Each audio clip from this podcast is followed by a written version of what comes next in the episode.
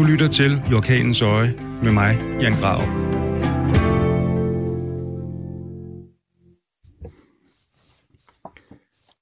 Velkommen til Orkanens Øje. I dag der skulle jeg egentlig have sendt fra Afrika, men øh, som øh, den ivrige lytter vil vide, så har jeg mildest talt været udsat for et kaos af fly og aflyste rejser. Jeg sluttede øh, sidste program i lufthavnen, hvor jeg var ved at borte til Wien og skulle have været videre til Addis Ababa og så til Djibouti.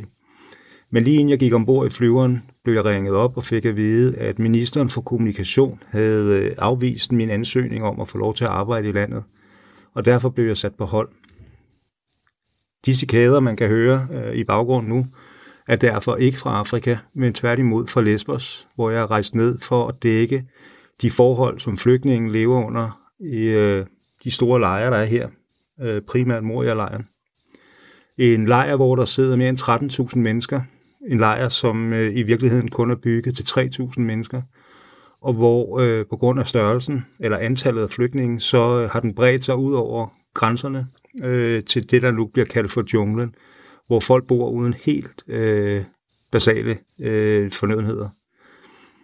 Øh, jeg har også gjort noget andet. Jeg har øh, inviteret min datter, min ældste datter, Olivia, med. Og det har jeg gjort, fordi hun har arbejdet tidligere på Kios, også med flygtninge, øh, både flygtninge, der er kommet over fra Tyrkiet. Hun har så lært sig arabisk i mellemtiden, så hun har ligesom en funktion af også at være tolk for mig hernede. Så velkommen til dig, skat. Tak for. Øh, Olivia, jeg, øh, jeg synes jo, du har jo mange gange spurgt mig, om ikke du måtte få lov til at rejse med mig ud. Og det har jo været til alle mulige steder, hvor jeg har sagt, at det fik du ikke lov til. Det har været til Afghanistan og Irak og. Mo, Syrien. øh, og det har jeg i sagens natur ikke været interesseret i. Men, men nu var det oplagt, fordi du jo selv har en, en baggrund med det her. Og øh, det var som sagt Kios, du arbejdede på. Kan du ikke lige prøve at fortælle lytterne, hvad Kias er for en størrelse, og hvad situationen var der, da du var der? Jo, øhm, um, Kios er, Kios er, jeg tror, den tredje største ø, måske i Grækenland. Um, der var på et tidspunkt tre flygtningelejre. Da jeg ankom i 2016, var der to. Den ene hed Sutter, den eksisterer ikke længere, og det var den, jeg arbejdede i. Og så var der vi alle som en militærstyret lejr øh, oppe i bjergene på Kios. I Suda, som øh, var en lejr, som var også over kapacitet, der, øh, der arbejdede jeg med Kias Eastern Shore Response Team, som er en organisation, som er meget lille, og som tager imod landinger. Øh, Kias var, var på det tidspunkt meget presset, fordi at øh, byen var så lille, og det havde påvirket øh, turismen rigtig meget, som de her øer lever af, at den her flygtningestrøm havde været, øh, havde, havde simpelthen bare så lang tid. Øh, når du siger, at lejren var over kapacitet, hvad, hvad er det så i antal? Jeg tror, vi har været op på, det er også svært at huske efterhånden, jeg tror måske, vi har været på en 6.000 mennesker, 7.000 mennesker, øh, i en lejr, der måske har kunne klare ja, to eller tre også. Du har også fortalt mig, at de, øh, du, du sov jo ofte i lejren, og der var en masse intern ballade. Mm-hmm. Altså ballade, fordi folk var desperate og manglede alt. Mm-hmm. Øh, men også fordi der var forskellige grupperinger, altså mennesker, der kom fra forskellige egne øh, af verden, mm. øh, og som var ude i en eller anden form for berigelseskriminalitet også, for bare at overleve. Men du har også fortalt om, at øh, I også blev ramt af altså politisk øh, fra Golden Dawn. Hvad var det, de gjorde? Mm, Golden Dawn angreb på øh, Suda-lejren øh, to nætter i streg. Øh, partiet øh, rejser omkring i Grækenland øh, for ligesom at tale til dem, der støtter partiet. Øh, og de kom så til Kios, og de er et meget, meget, altså mange af medlemmerne er decideret voldelige. Og øh, siden Sudam ligger, eller lå, midt i hovedstaden i Kios, jamen så øh, var det desværre oplagt for de her mennesker at om natten trænge ind i lejren og sætte ild til telte, hvor der var børn og kvinder i. De øh, gik rundt med bat i gaderne, både efter frivillige, både efter os og efter, øh, efter flygtningene selv kastede sten ind i lejren, øh, havde slagsmål med folk og, og altså overfaldt mennesker. Og, og samtidig med det, så øh, er det heller ikke nogen stor støtte, at, at politiet på Kios også er øh, diskriminerende omkring, altså over for flygtninge. Så øh, vi har ikke meget støtte de omgange, hvor vi, hvor vi støtte på Golden Dawn desværre. Nu sidder vi jo så på Lesbos, og øh, det er første gang, du er her. Jeg har været her tidligere øh, i november, december 2015 var jeg første gang, og var også med til en masse landinger af flygtninge. På det tidspunkt, der var influx jo kolossalt stort. Øh, altså, der kom mange, mange både ind hver eneste dag. Mm. Og det var en meget desperat øh, oplevelse, eller det var meget desperat at se, hvordan mennesker kastede sig ud i, i små gummibåde for at komme i sikkerhed herover. Og mor er som sagt vokset øh, fra den oprindelige størrelse på 3.000 til nogen siger 12, andre siger 13, andre igen siger op mod 15.000 mennesker. Og som sagt, så er selve hovedlejren ikke særlig stor. Men junglen rundt om øh, vokser og vokser. Der bor simpelthen masser af flygtninge der. Mm-hmm. Hvad er din, øh, hvad er din også første oplevelse af at, at besøge en lejr som morlejren? Altså min oplevelse, når jeg kommer ind i Moria-lejren, er ikke som sådan, hvordan vilkårene er. Fordi det oplevede vi også på Kios. Altså vilkårene i enhver flygtningelejr er ikke behagelige. Øhm, der du kan møde, du kan stå på nogle lejre, som er mere organiseret, men der er, altså, problemet i Moria-lejren er, hvor meget overkapaciteten egentlig er. Problemet har noget at gøre med, at der er, igen som du selv siger, de har, de har skabt deres egen lejr omkring en flygtningelejr. Så du har de her en masse øh, hegn, og der er lukket til, og der er alt de her sindssyge ting, som gør, at folk bliver holdt ude. Og så uden for det, så er der mudder. Der er det, jeg tror det er på en bjergtop.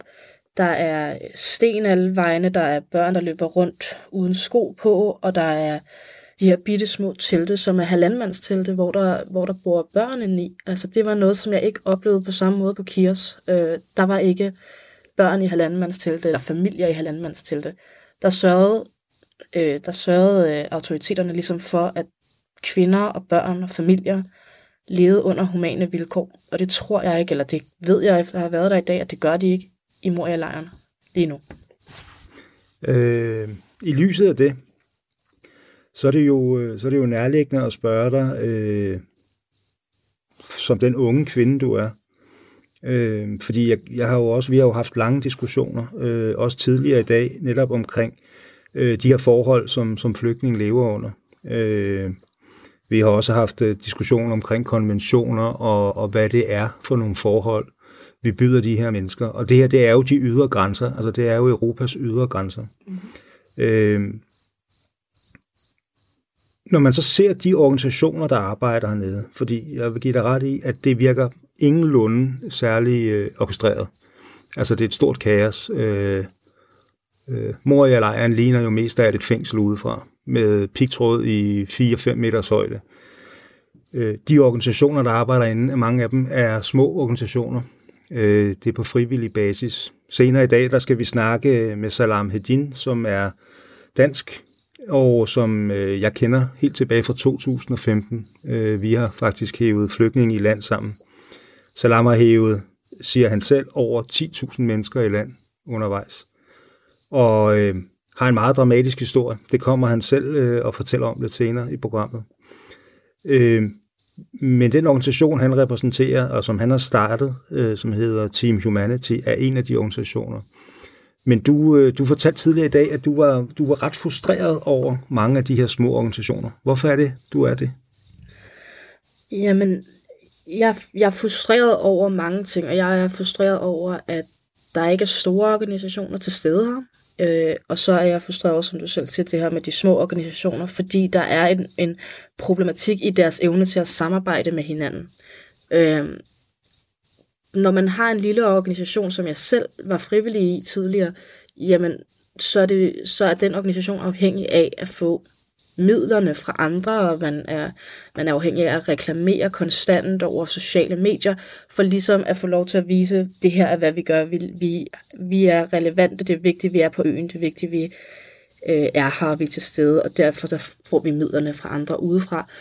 Øh, og problemet er, når du er så mange små organisationer, fra alle mulige forskellige steder i verden, jamen så prøver du selvfølgelig på en eller anden måde at tage magten i en lejr. Du prøver ligesom at være den, der er den mest øh, altså hjælpsomme, den, der er mest effektiv, den, der har tager imod landinger og er bedst til landinger, for eksempel når flygtninge kommer ind om natten, eller den, der er bedst til at bygge telte op og sørge for ordentligt stabil hjem, eller uddele mad og tøj.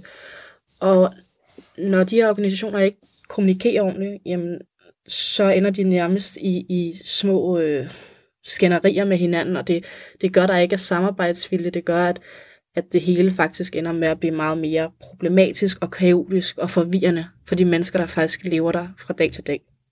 Vi havde jo selv en, øh, en oplevelse i dag, hvor jeg godt kunne mærke, at du blev vred. Uh, nu skal vi ikke nævne nogen navn på den her organisation. Uh, blot konstatere, at, uh, at de mente, de ligesom styrede en stor del uh, af lejren. Uh, ja, de sagde det til os overret, ikke? Vi styrer den her del af lejren, tror jeg, de sagde. Ja, det som ikke er en lejr, det som i virkeligheden er junglen. Ja. Og jeg kunne godt mærke, at du blev meget øh, fortørnet eller vred over det. Øh, det er jo en, i virkeligheden en meget hård kritik, fordi det er jo sådan noget, som man måske også vil, øh, vil lytte til i Danmark, og så sige, jamen der kan I bare se, organisationerne, de kæmper i virkeligheden om PR for at få penge. Og, så, og på den måde, så udvisker man måske i virkeligheden det faktum, at, at mange af organisationerne jo faktisk gør en kolossal indsats øh, for de her mennesker. Øh, hvad vil du foreslå?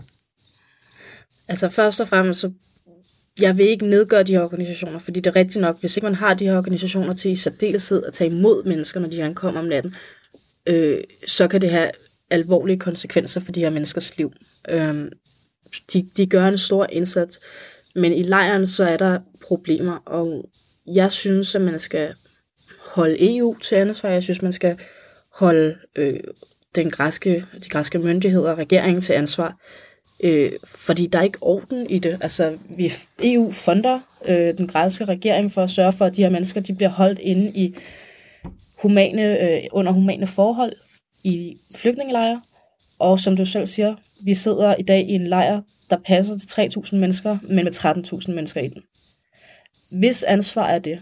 Fordi vi ved godt, det er ikke en organisation, hvor der er 25 frivillige, og som lever på private donationer fra Danmark og Tyskland og Frankrig. Det, det er regeringens ansvar, det er EU's ansvar. Og jeg synes, vi, jeg synes, at det er relevant, at vi prøver at holde, holde myndighederne til ansvar.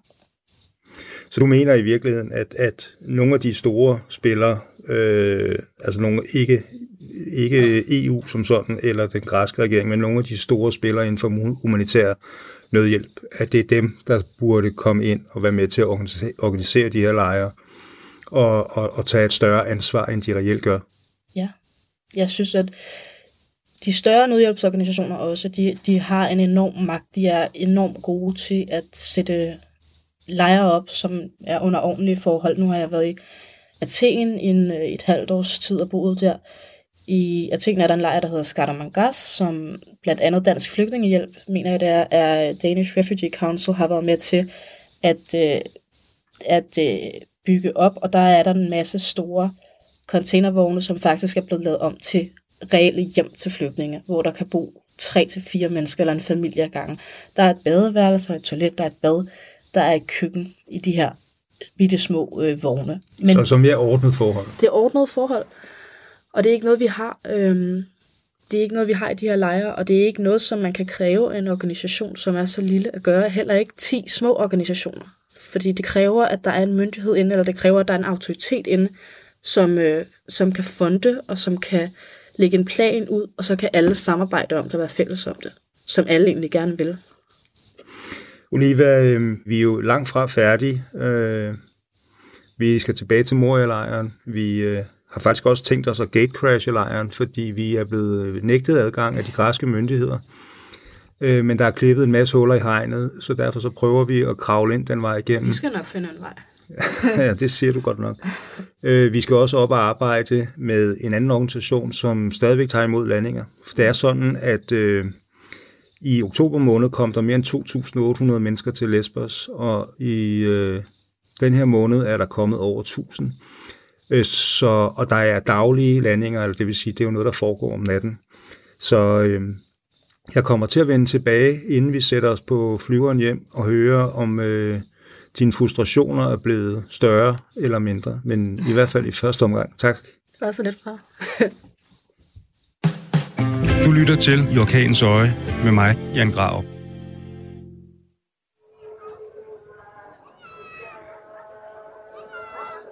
Velkommen til Moria, eller nærmere bestemt til det, som man kalder for junglen.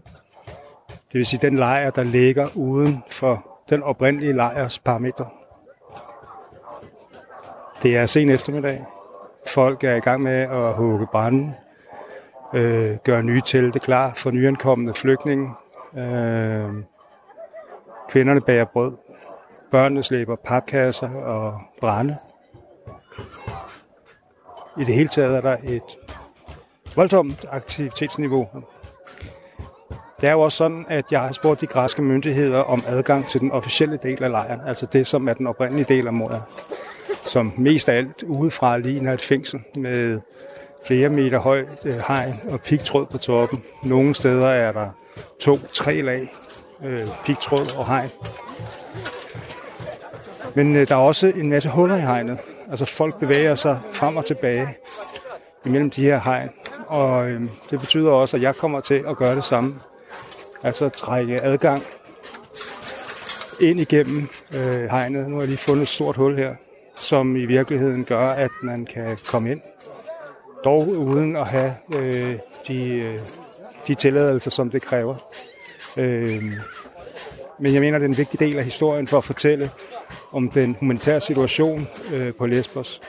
At netop få adgang til den del af lejren og vise, hvad det er for nogle forhold. Folk bor inden for lejrens øh, mure også, øh, på samme måde som udenfor. Dem, der bor udenfor, de lever ekstremt øh, fattigt og meget, meget spartansk. Altså, vi snakker små bitte telte, øh, vi snakker plastik, som er lagt over nogle grene. Øh, altså, meget, meget, meget nødtøftigt øh, shelter. I går regnede det hernede, og i løbet af en halv time, så væltede vandet ned øh, af skråningerne. Øh, alt var mudder. Alt var, blev kaos på, ja, på 30 minutter. Og det er jo i virkeligheden en, en del af, af det liv, som er her. Øh, jeg synes, det er en kaotisk flygtningelejr. Nu har jeg set rigtig mange flygtningelejre rundt omkring i verden. Men jeg må sige, at den her måde, som, som vi har efterladt de her mennesker på, og vi snakker altså mere end 12-13.000 mennesker, det er helt vildt. Øh, og det er helt vildt, at vi ikke har været i stand til øh, at hjælpe med at gøre den her lejr øh, bedre og, vær, og mere øh, øh, udholdelig for de her mennesker, som jo ikke på nogen som helst måde har, øh, øh, har nogle muligheder for at forlade øen, at komme videre til fastlandet, øh, eller få deres øh, sager behandlet øh, af domstolene, så de kan finde ud af, om de får asyl eller ej. Det er... Øh, jeg må sige, jeg synes, det er, øh, det er sgu nogle rystende forhold, øh, og det, det, det er allerede begyndt at blive koldt dernede. Børnene løber rundt i shorts og i, i små klipklapper, øh, møgbeskidte. Jeg har været nede og snakket med læger uden grænser i dag øh, på deres øh, felthospitaler nede og snakket med dem om, hvordan de børn, der kommer ind, er dybt traumatiseret, øh, og hvordan de øh, er syge med øh, luftvejsinfektioner, hjerteproblemer, øh, udslæt, øh, de har en masse diarré, de har en masse øh, forskellige vandborgende sygdomme og er generelt i rigtig, rigtig dårlig stand. Ydermere så er børnene psykisk påvirket så voldsomt af den her lejr.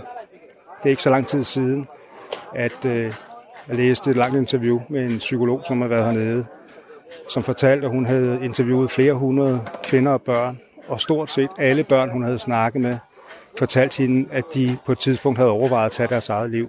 Så kaotisk er forholdene hernede. Og det er altså det, vi byder de her mennesker.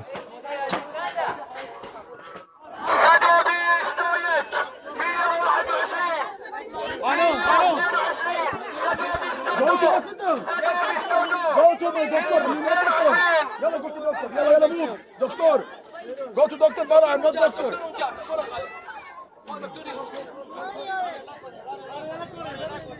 سجوا باستوديو 122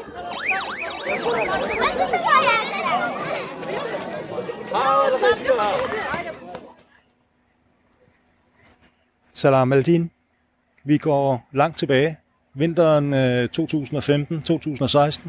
Ja, det gør vi. Nu sidder vi her igen. Du har næsten ikke noget stemme tilbage. Ja, det er rigtigt. Du er grundlæggeren af Team Humanity, som jo har arbejdet fuldstændig vanvittigt hernede på Lesbos. Øh, du har revet eller hævet i tusindvis af mennesker op fra havet. Du har været fængslet hernede. Øh, du har været anklaget for menneskesmugling, og øh, i virkeligheden stod du til to livstidsdomme. Det, Ja. sådan blev det heldigvis ikke. Og nu sidder du her i dit kæmpe center uden for, for Moria-lejren, hvor du har bygget en kæmpe operation op. Og du virker træt og stresset. Jamen, øh, jeg så jo, hvad der skete i 2015. Så de børn, som druknede foran mig, og de børn, jeg havde reddet.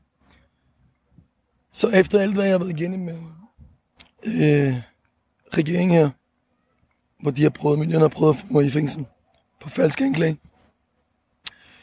Efter jeg vandt sagen, der tænkte jeg, ved du hvad, jeg gør noget for de her børn. Så åbner jeg en børnecenter. Og det er det, jeg gjorde her. Jeg åbnede et børnecenter. Og efter et stykke tid, så kunne jeg se, at kvinderne havde også brug for noget sted at være. Og så åbnede jeg en kvindecenter. Øh, efter jeg åbnede en kvindecenter, så valgte jeg at åbne sådan, at bygge sådan en sportsaktiviteter her. Du ved, sådan en sports, øh, kan man sige, fodboldbane og sådan nogle ting. Øh, Ja, der er også et legecenter, kan jeg se. Altså, Ja, plus en legecenter en for, til børn, og jamen, det er en helt center, ikke? hvor de kan få noget fred. Især dem, der er traumatiseret i den her camp. For du skal tænke på, at det her camp der, det er et, en af Europas største flygtningelejre, som er på den her ø. Og vi er over 15.000 mennesker lige nu derinde, hvor den er beregnet til 3.000. Så tænk over 8.000 mennesker i hvert fald sover i sommerteltet. Jeg har jo været ude og kigge på lejren i dag, og det ser jo forfærdeligt ud derude. Altså, øh, siden jeg var her første gang, faktisk også med dig, så er den jo bare vokset og vokset, og lejren er overfyldt, og junglen, øh, som ligger rundt om, øh, bliver bare større og større. Nu øh, i dag har du delt barnevogn ud. Hvor mange barnevogne det, du har delt ud i dag? 345. 345. Og øh, da jeg mødte dig i går, så var det mad og tøj, og det samme i forgårs. Og du arbejder jo, du arbejder jo i døgndrift. Ja. Og øh, hvad er det for en følelse, du står tilbage med? Altså, du har bygget en organisation, som gør en kolossal indsats for de her mennesker. Øh, du er privat fondet, og du, øh, og du er vel også afhængig af den funding, som du kan få fra private. Det er jeg. Øh, Se, det, det, det fungerer sådan. Hver måned, så leder vi efter penge for at holde os i live her. For at have det åbent og hjælpe folk. Øhm, det mest faktisk er, øh, det er selve huslejen, der er dyr, ikke? Men så er der nogle gode mennesker rundt omkring i verden, som støtter os. Lad os nu sige det, 100 euro, 200 euro, 500 euro, 1000 euro. Så samler vi det. For sådan et center her koster i hvert fald 7-8.000 euro at holde det i drift hver måned. Udover det, så får vi selvfølgelig nogle donationer ind af ting. Og ikke glem en ting, at vi hjælper altså 15.000 mennesker med så små penge. Øhm, og også det med, at jeg har jo set de her børn traumatiseret fuldstændig her. Vi havde en lille pige, da jeg åbnede, som kom og ikke kunne snakke. Moren fortalte mig, at øh, pigen stoppede med at snakke. Hun mistede sin tunge, så hun kunne ikke snakke med lige pludselig. På grund af trauma. På grund af det, hun har set. Rent psykisk. Så tænkte jeg, jeg ved ikke, hvad jeg skal gøre. Jeg er ikke en læge, jo. Så jeg valgte bare at lege med hende og bruge lidt smule mere tid på hende, som en nogle andre frivillige. Der går halvanden måned. Lige pludselig pigen åbner sin mund og begynder at snakke. Det var en fantastisk følelse. Det var noget af det vildeste, vi oplevede. Vi begyndte at græde nogle af os og få tøj i øjnene. Og det er det, der skete. Øh, Så det er vigtigt, at der er sådan et center. Ikke kun her i Grækenland, men mit mål er at åbne sådan nogle center rundt omkring i verden, hvor der er brug for det. Hvor der er krig, og flygtninge sidder fast, og børn går ikke i skole noget som helst. Som du kan se, vi også åbner en, vi er i gang med at åbne en education center. En, øh, et center for børn, hvor de kan gå i skole. Også for kvinder. Og når jeg siger education center, så mener jeg også, at kvinderne kan sidde der og øh, være siddende med nogle symaskiner og sy nogle ting. Øh, nogle workshops. Det er det, vi prøver at gøre nu her.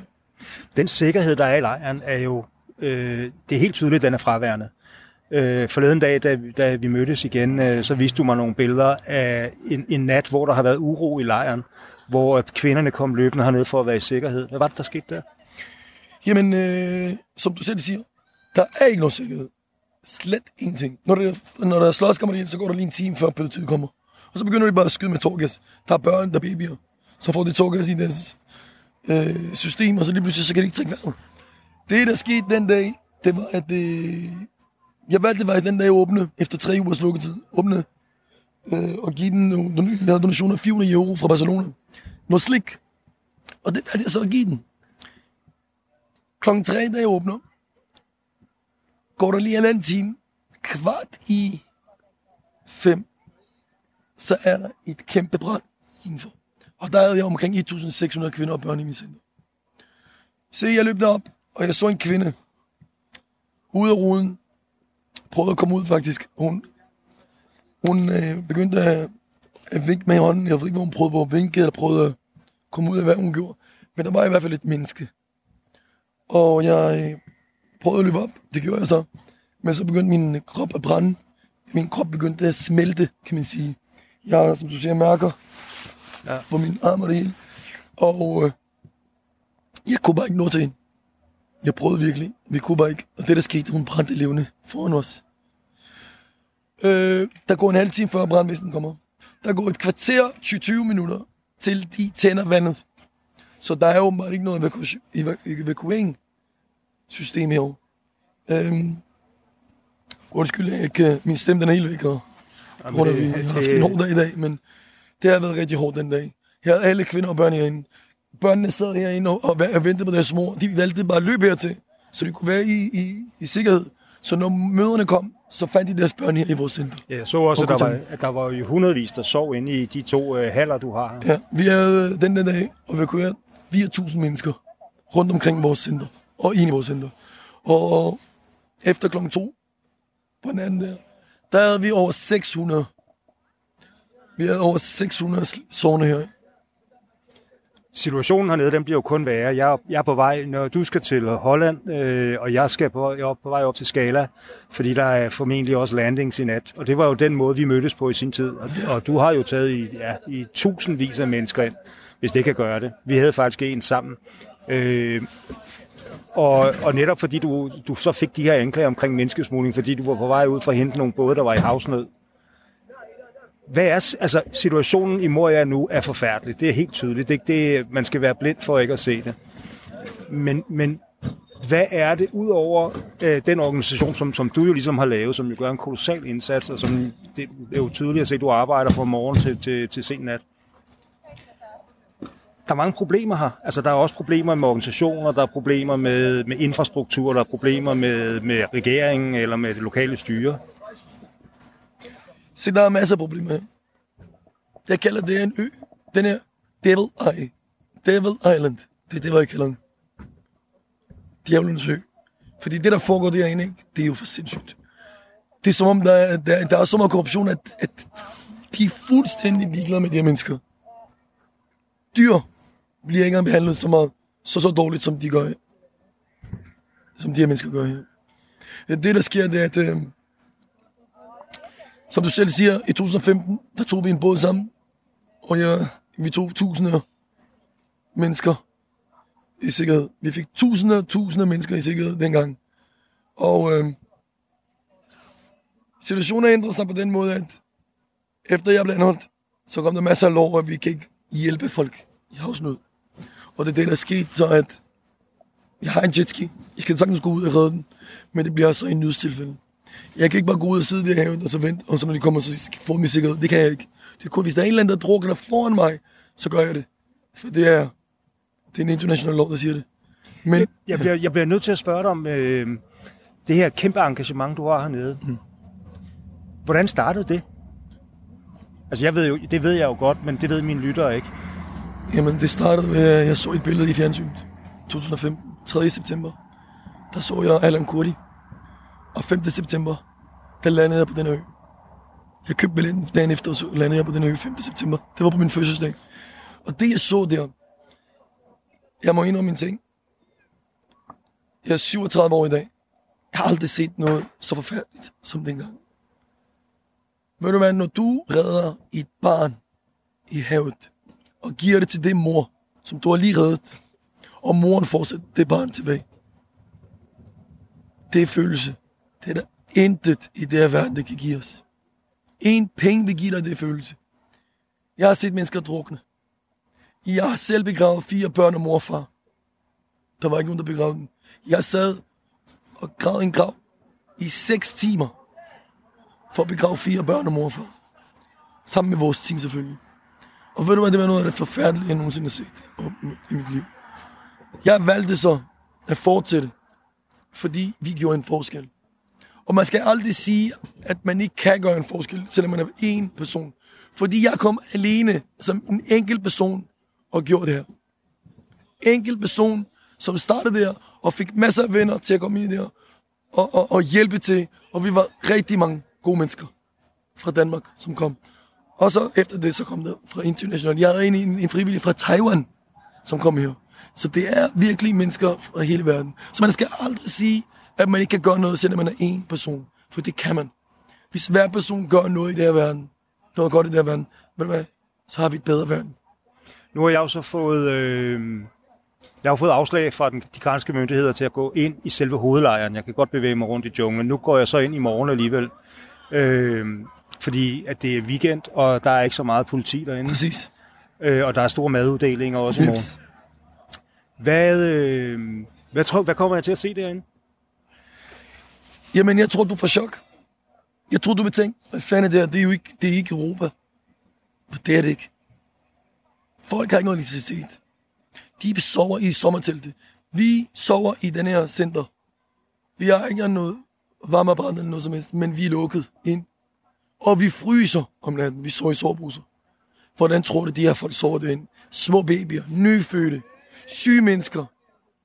De sover i sommerteltet. Så er der nogen over 500-600 mennesker, som ikke sover i teltet, som har faktisk ingen telt. Og de sover bare med en, med en øh, tæppe rundt omkring sig. Forleden dag, øh, vi havde en aftale, som du ikke overholdt, fordi du var nede i byen. Øh, du har to piger heroppe, en pige på 18 og en på 19, ja. og deres forældre er blevet deporteret, og du skulle skaffe en masse penge øh, helt akut. Ja. Øh, ja, det er mor og far, som lige pludselig blev anholdt, sat i fængsel. To børn, to små piger på 18-19 år, er i deres telt. Kommer og og siger, at min mor og far er, er i fængsel. Vi valgte så at finde ud af, hvad fanden der foregår. Så finder vi ud af, at de vil deportere dem til Irak. Så valgte jeg at gøre det offentligt og få skaffet nogle penge. Det gjorde jeg så. Jeg fik skaffet nogle penge. Betalte advokaterne. Fik ordnet en masse ting. Har ikke sovet i to døgn. Kun for at få styr på det her. Og nu er det op til advokaterne. Så håber vi, at de ikke bliver deporteret. Men at splitte en familie i to, især når de er små unge piger, det er forfærdeligt. Ja, og specielt også fordi, det bringer mig lidt videre til et andet emne, som vi også har, har snakket om tidligere, det er, at der er en, en masse vold i lejren, men der er også en masse voldtægter. Det går altså dels ud over det er rigtigt. yngre kvinder. Det er rigtigt. Der er masser af vold. Der er masser af voldtægt. Hver eneste dag er der en kvinde, der bliver voldtaget. Det er der problemet der. De er bange for at melde det. De tror den. De ved godt, at politiet anholder nogen og sender dem tilbage igen til lejren. Og hvis de bliver sendt tilbage, så bliver der et problem for de her kvinder. Så de er bange. Og det er en forfærdelig, forfærdelig tid, vi er i lige nu. Det er vinter. Det er mørkt tidligt. Kvinder sover med blære for at ikke gå på toilettet, for de er bange for at gå på toilettet. Børn bliver voldtaget. Børn. Det er... Ja, jeg ved ikke engang, hvad jeg skal sige til det. Det er forfærdeligt. Det er Europa. Det er Europa burde skamme sig. Skamme sig, hvad vi har her. Danmark burde skamme sig. Vi burde tage nogle flygtninge ind. Nu siger jeg ikke, at vi skal åbne dørene og så selv, at alle kommer ind. Nej. Men så kan der være organisationer som os, som kan se det mest udsatte familier, som virkelig har brug for hjælp, som virkelig er god, som kan komme og få startet et nyt liv i Danmark eller andre lande i Europa. Det er et skam. Ved du hvad? Historien vil ændre sig, som den har altid gjort. Lige pludselig, så er det Europa, der flygter et eller andet sted og har brug for vores hjælp. I Europa. Så vil de ønske, at der var mennesker som mig og andre frivillige, så vil hjælpe dem. De vil ønske det, fordi historien ændrer sig. Det gjorde den i 1921, og det gør den igen. I 1921, der flygtede de fra Grækenland til Syrien. til Ægypten. Og der så de ikke i teltet, Der gør dem huse. Der var der ikke sådan nogle forhold. De tog imod med åbne hænder. Det er, det er et skam. De burde skamme sig i Grækenland. Hvordan de, øh, de behandler de her mennesker. Salam, øh, jeg ved, du skal videre, du skal nå en flyver, og øh, du kommer tilbage igen søndag, Ja, fordi dit arbejde, det er jo kontinuerligt. Du har 10.000 projekter hernede, og som, som sagt, så har du delt øh, 345 barnevogne ud i dag. Øh, og du skaffer folk ud af fængslet, og du arbejder op i lejren. Du er ikke altid lige populær hos myndighederne. nej. Øh, men jeg øh, bliver nødt til at sige til dig, og kigge dig i øjnene, og så sige, jeg er stolt over, at du er min ven. Tak. I lige måde. I lige måde. God tur, og Tusind tak. held og lykke, og jeg er sikker på, at vi ses hernede igen snart. Det gør vi, og jeg er ked af, at øh, jeg har været alt for længe, tror jeg, så mit dansk er blevet så forfærdeligt. Jeg, bruger, jeg begynder at bruge dansk og engelsk samtidig. Det er blevet så, det er blevet så forfærdeligt. Men tusind tak for, at I kom, og jeg håber, at øh, folk i Danmark vil kunne indse, at øh, vi er alle mennesker. Og hvis vi gør vores lille part, om det er en tæppe, de sender, eller om det er en 5 kroner, de sender, så gør vi noget øh, for menneskeheden. Så jeg håber, at folk åbner deres øjne. Det håber jeg også. Tak for det. Mange tak for komme. Mange tak.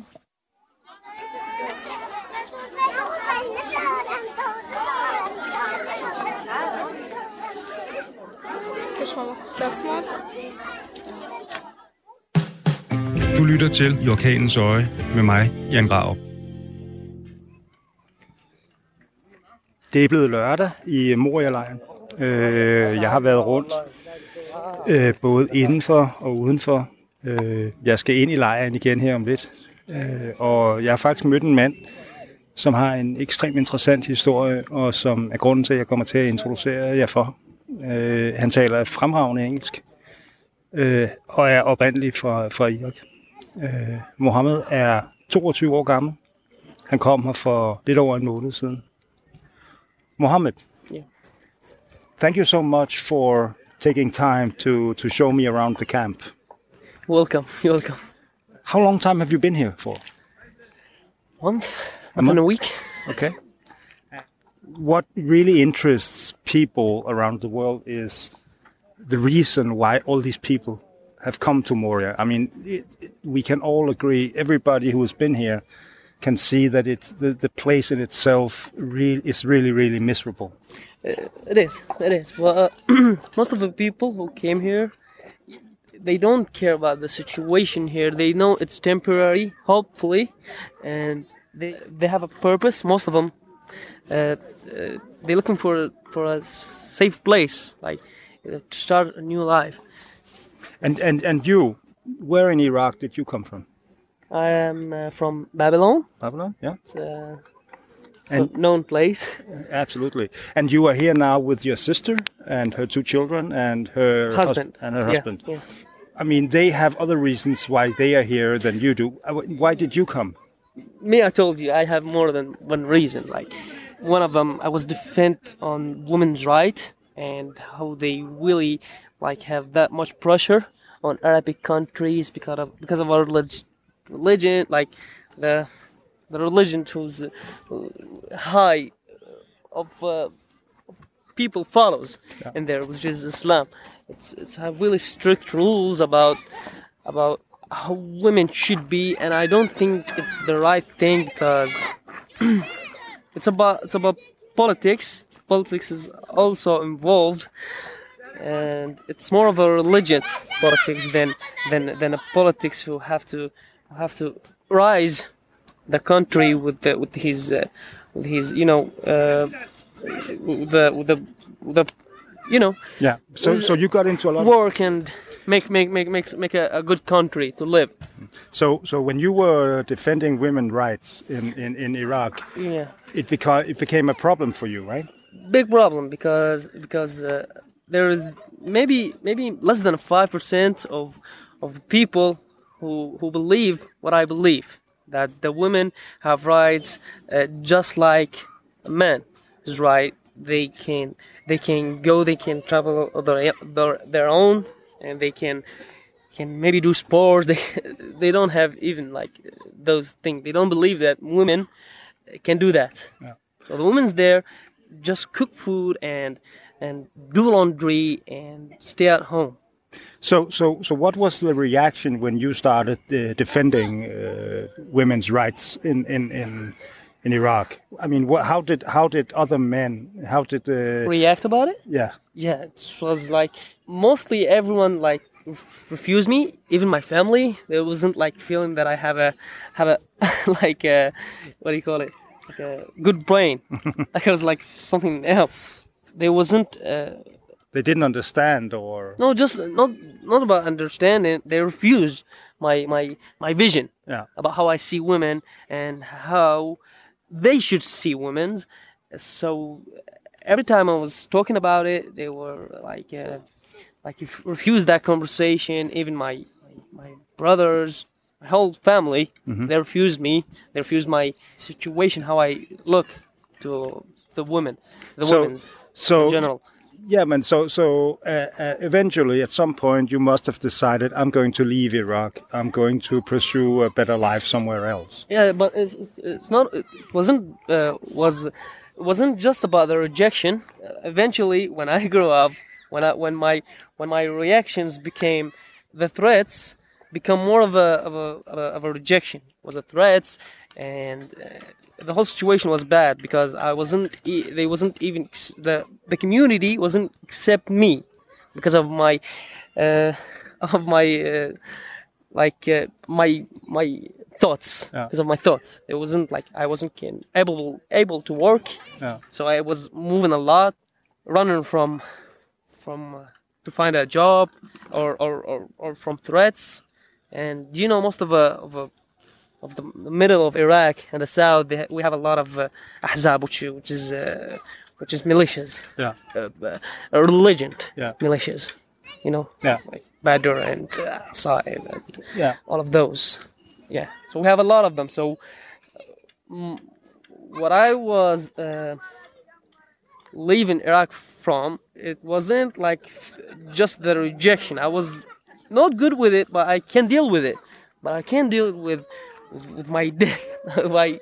Why I can't do anything after that? So, I said, like, uh, live today, fight another day. yeah You know that saying. So, do you consider yourself to be a political refugee, or do you consider yourself uh, trying to to find a place where you can live and have freedom of speech and and your thoughts? Uh, I mean, where do you That's see? exactly that's exactly what I'm what I'm I'm trying to find a country who can who who who, who give me the right to speak of my thoughts and don't and like don't kill me because I have uh, like like different thoughts thoughts of yours. Yeah, exactly. It's okay. I think it's okay to have every everyone everyone the um, on the on that planet have different thought. That's what makes us uh, better. That's what makes the you know differences makes makes really really really good meaning of life. If everything is similar, it's gonna be just something boring and and unable to live with. If everything everyone looks like the other one. They have to be different. But some people take that as a as a threat to the community you know those those simple thoughts that's that's right. The so you, you have to tell. So wherever women that i was like no and it was hard to to to be friends with a woman in our community. It's, it's not. Even the woman you know or they or you married her or you can't have a relationship like any kind like a friendship let's say. Earlier today, I met two uh, young girls from Iraq as well. They were from Baghdad. Okay yeah and uh, they were here with their, their mother and father. Their mother and father has put been uh, sent to jail, uh, waiting to be deported uh, back to to, uh, to Iraq. And um, they, I spoke to them about Moria camp, and they were really really scared of being here. They said there is a lot of sexual violence against uh, young women here. I Do you know why? Do you know why? Because a lot of minds that that most like not most of the people, yeah, most of the people who who, who have different mind, the people that they run from, uh, the same people. Uh, there is some of them is here. Yeah. The same mind, the weak-minded, the the mind who can accept difference, the mind who who who's it's about me. Like uh, the same people that I was like uh, I was talking to them about they can change their mind. I can find them here also with their with their religion, with their with their uh, with their thoughts about about not accept different people, and it's not really really good thing. When I talked to them, they said they were really scared of leaving their tents at night, even to go. They to should the, be. They should e- be. even going to the bathroom, and and the same early in the morning. So they were they were pretty scared about it. But they had really uh, big dreams for the future. One wanted to be within fashion. The other one wanted to be a lawyer. That's why they left Iraq because there, uh, a girl wanna be in fashion, she's gonna have really, really, really a rough life. Going back to Moria camp, obviously, just walking around with you. Uh, I mean, we just had the most amazing falafel because you know a small restaurant here. You're welcome. Um, but but in general, life here seems really miserable and really really hard. It is. It is hard. Like inside the camp. Yeah. You- We went in, yeah, Yeah, yeah. You saw. You saw. It's it's hard. and the jungle seems even worse. Or is. or is it is it bad in different ways? It's bad and worse. Like now, it's gonna be more worse because of the weather. Because now the, we are in the end of the year, and it's gonna be more cold and rain. So uh, eventually, they will have to do something about the whole families. Maybe split them, do anything, like anything. Yeah. Maybe leave them to to continue their way, whatever they want to go. I think there's a lot of uh, space in this world to continue. I don't know if there. I told you there's a bad and good people inside, but maybe they can split and know who wanna wanna continue his life peacefully, Yeah.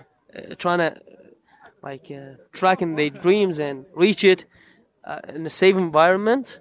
You know, Do you have um, regarding the future and dreams and hope? Where where do you see your if if you were to close your eyes and what would be the ideal life for you? Would it be a specific country? Would it be a job? Would it be a security? all all I all I have looking for for the for the you asked me that question. All I have been uh, looking for for the past like five years is a safe place for me, so I can work on my dreams, on what I want to be in. Uh, yeah, I'm a nutrition specialist, and I I like I I really love to help people about what I about my knowledge, what I know about you know, nutrition and all of that. But the problem is, I haven't even found home settle down in, and so I can't thought. Like back in Iraq, at the at the last years before I, I, I, I came here, like everyone every every month I was in a different city because I, I, I haven't able to settle down uh, because of all all, all, all of the terrorists there and unsafe community about me, like for me, specifically for me and my mind. I I even thought that I I have something wrong wrong with my mind. Like why uh, all this community don't accept me Yeah. like at all. And you know, if you can't blend with the community, you can can live because one of the rules that you have to you have to make sure of is that you can blend with the community, so you can live, you can work, you can help the community. So, what your situation will be if the whole community refuse you because of your different thoughts? Mm-hmm. You know, and it's all about religion. That's why I wasn't really a religion man Yeah. when I was like when I started to have a have a, a reasonable mind. Mm-hmm. I was like 15. I saw that our religion is really like is makes really like un, un, what do you call it? You can understand the rules really because if the, those rules was really have to the the, the, the human being have to uh, have to restrict them be strict about it it's gonna be really bad. And there is that's what makes uh, Iraq my country is uh, unacceptable for blending community community who have a, who have a lot of religions because our religion doesn't accept that Mohammed, it's really, really nice of you to uh, to take this time to both tell me your story and also to to show me around the camp because you have an inside knowledge which can be extremely difficult when you come from from the outside. Uh, and I'm looking forward to continuing our tour around. But uh, you know, thank you so much for taking time. And It was really good time to like sharing my my uh, my journey and and everything. Maybe trying to find a good person to talk with. Yeah. Yeah. And uh, I it was really, really good time. We spent a really good time. I really appreciate it. Let's uh, continue uh, around the jungle before we gate crash into Moria again. Uh, I already told my my listeners that I'm not allowed by the Greek authorities in there, so we, you'll have to smuggle me in. Again. And inshallah, I will not be taken by the police. Hope so. Hopefully. Inshallah. Thank you. Flygtningelejre er en mærkelig størrelse. Øh, jeg har jo set rigtig, rigtig mange af dem. Altså mange, mange hundrede, hvis ikke tusinder, rundt omkring i verden. I forskellige størrelser. Øh, alt fra få hundrede til over 200.000 mennesker. Og Moria er ikke nogen undtagelse her. Igen, der er jo mange forskellige øh, øh, antal bragt på banen her. Altså nogen siger 12, nogen siger 15. I dag er der nogen, der siger 20.000. Det tror jeg ikke på, der er. Jeg tror måske, at det rigtige det ligger omkring de der 12-13.000. Det er også mærkeligt, fordi man oplever jo livet. Man oplever jo mennesker, som, øh, som øh, adopterer en meget, meget vanskelig situation. De finder sig til rette under de forhold, de nu har. Og ja, der er rigtig meget vold her. Der er rigtig meget desperation. Øh, men det, som måske i virkeligheden gør det største indtryk på mig, og det er ligegyldigt, om jeg snakker med mænd, yngre mænd, børn, øh, unge kvinder, så er det hvor ofte et ord som selvmord bliver brugt. Øh, der er rigtig, rigtig mange mennesker hernede, som føler, at det her liv det er så uværdigt. Det føler de også, det liv, de flygtede fra, var. Øh, men de havde forestillet sig noget bedre eller noget andet. Øh, der er ingen tvivl om, at rigtig mange af de børn, som er her, er dybt traumatiseret. Det har jeg også snakket med Læger Uden Grænser om. Jeg har snakket med Salam omkring det. Øh, men selv når man går rundt i lejren, og lige så snart du sætter dig ned øh, på tomandshånd med kvinder, mænd, børn, så bruger man ordet selvmord. Og øh, det gør jo det gør utroligt stort indtryk på mig. Det gør også indtryk på mig, at, at man i Europa lader en flygtningelejr som den her øh, eksistere under de her vilkår eller under de her forhold. Øh, der er ikke nogen af de mennesker, som er i lejren nu, der får nogen penge, fordi de, den økonomi eller den finansiering, man havde til at hjælpe de her mennesker, er løbet tør for længst. Og det vil sige, at man snakker om, at hvis der igen skal komme bare et minimum af penge øh, til de her flygtninge, og vi snakker vi jo ikke mange penge, vi snakker måske 50 euro om måneden, så skal vi helt ind i det nye år, før man igen kan genoptage bare et minimum af betaling, indtil den så løber tør igen. Jeg kommer til at fortsætte min rapportering hernede fra. Jeg har rigtig mange interviews med mange forskellige mennesker. Jeg har mange billeder hernede fra, øh, både glade billeder af børn, der finder ud af at lege midt i alt det her, men så sandelig også øh, desperation øh, blandt de mennesker, som er her. Øh, og om ganske kort tid starter der er en stor maduddeling inde i lejren, og det er som sagt den del af lejren, jeg ikke har adgang til. Men jeg kommer til at kravle igennem hegnet øh, og gå ind og prøve at konfrontere øh, de officielle kilder, der er derinde, øh, for at prøve at påtvinge nogle retten til at, at fotografere de her maduddelinger, hvor vi snakker tusinder og tusinder af mennesker, som stiller op for at få bare et eller andet at spise. Og øh, om alt går vel, så kommer jeg ud igen, og hvis ikke, så bliver jeg anholdt. Så kan vi måske sende næste, næste radioprogram fra fængslet i Grækenland. Men i hvert fald, jeg kommer til at fortsætte min rapporter hernede fra. Du lytter til Orkanens Øje med mig, Jan Grav. Det, jeg har hørt i den her uge, det er lydbilleder fra en flygtningelejr. Moria-lejren på Lesbos. Det er min datter Olivia Grav, som tidligere har arbejdet på Kios i flygtningelejre, og hun har også i den her uge fungeret som tolk for sin far øh, i Moria-lejren. I har hørt Salam Aldin, som er grundlægger af den danske nødhjælpsorganisation Team Humanity, som har arbejdet hernede siden 2015. Og ikke mindst så har I hørt Mohammed Slin, en 22-årig flygtning fra Irak, som øh, er flygtet hertil, fordi han tror på kvinders rettigheder, og i virkeligheden tror på menneskers frie valg. I redaktionen i den her uge er Lene Jul og Tom Tramborg. For teknikken står Kasper Risgaard. Mit navn er Jan